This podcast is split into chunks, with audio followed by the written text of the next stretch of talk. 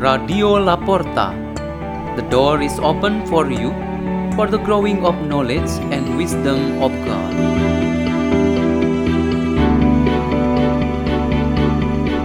By Margareth Sembiring from St. Francis of Assisi Church, Singapore.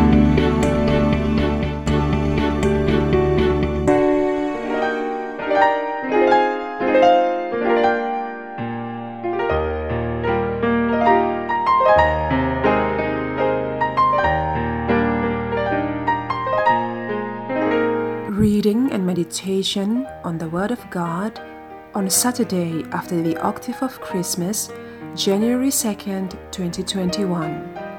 Memorial of Saints Basil the Great and Gregory Nazianzen, bishops and doctors of the Church.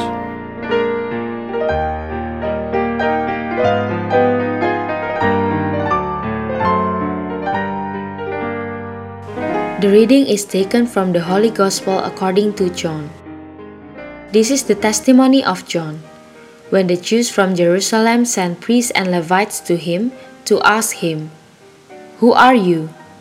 He admitted and did not deny it, but admitted, I am not the Christ. So they asked him, What are you then? Are you Elijah? And he said, I am not. Are you the prophet? He answered, No. So they said to him, Who are you? So we can give an answer to those who sent us. What do you have to say for yourself? He said, I am the voice of one crying out in the desert, Make straight the way of the Lord. As Isaiah the prophet said, Some Pharisees were also sent.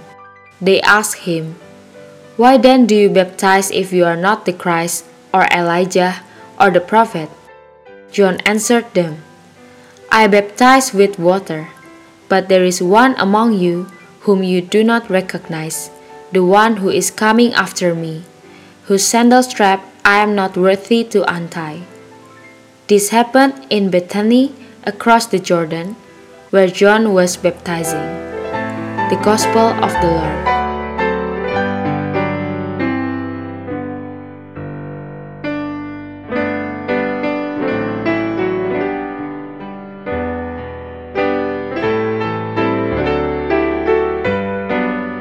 The theme for our meditation today is Remain as the person of Jesus Christ. Today, our church commemorates Saints Basil the Great and Gregory Nazianzen. Both are known to the Christians as the fathers of the church or learned and scholars in the fields of theology and Christianity.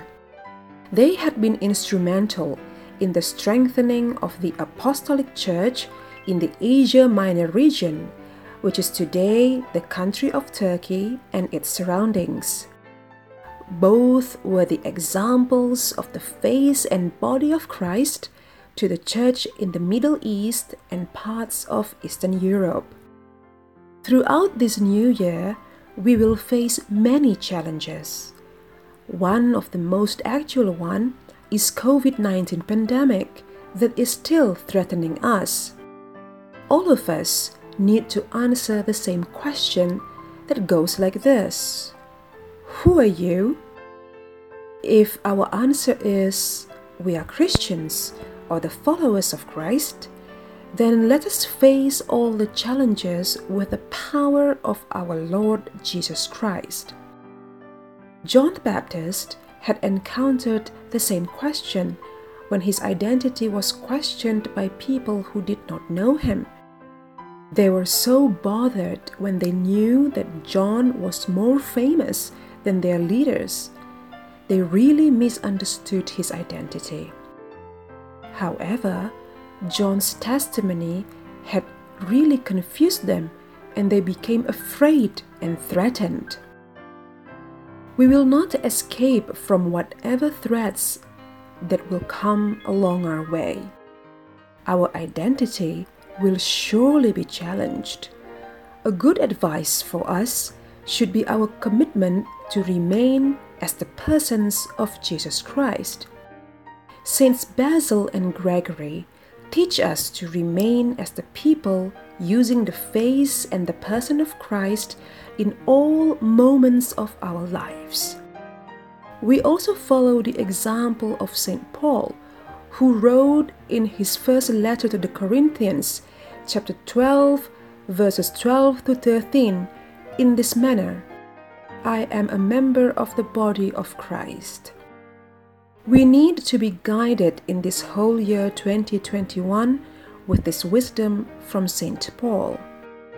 There is also an answer that is appropriate for every one of us. Let us pick up what St. John says in his first letter today that goes like this As the follower of Jesus Christ, we are obliged to abide in the Son and in the Father. Even though temptations will not go away, challenges and threats will continue to disturb us, our commitment will be the same, which is abiding in God. Our faith and reliance on God will not change.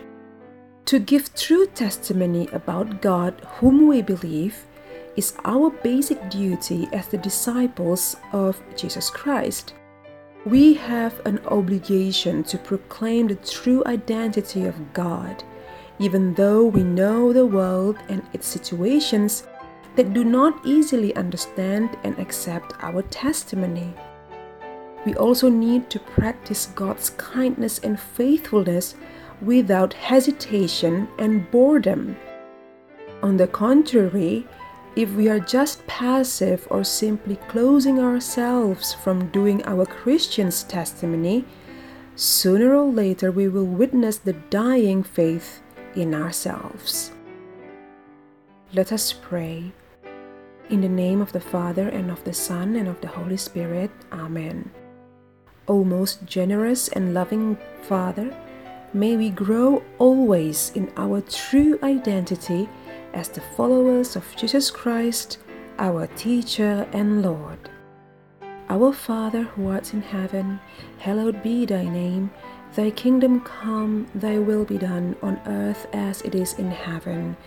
Give us this day our daily bread, and forgive us our trespasses, as we forgive those who trespass against us. And lead us not into temptation, but deliver us from evil. Amen. In the name of the Father, and of the Son, and of the Holy Spirit. Amen. Radio La Porta. The door is open for you.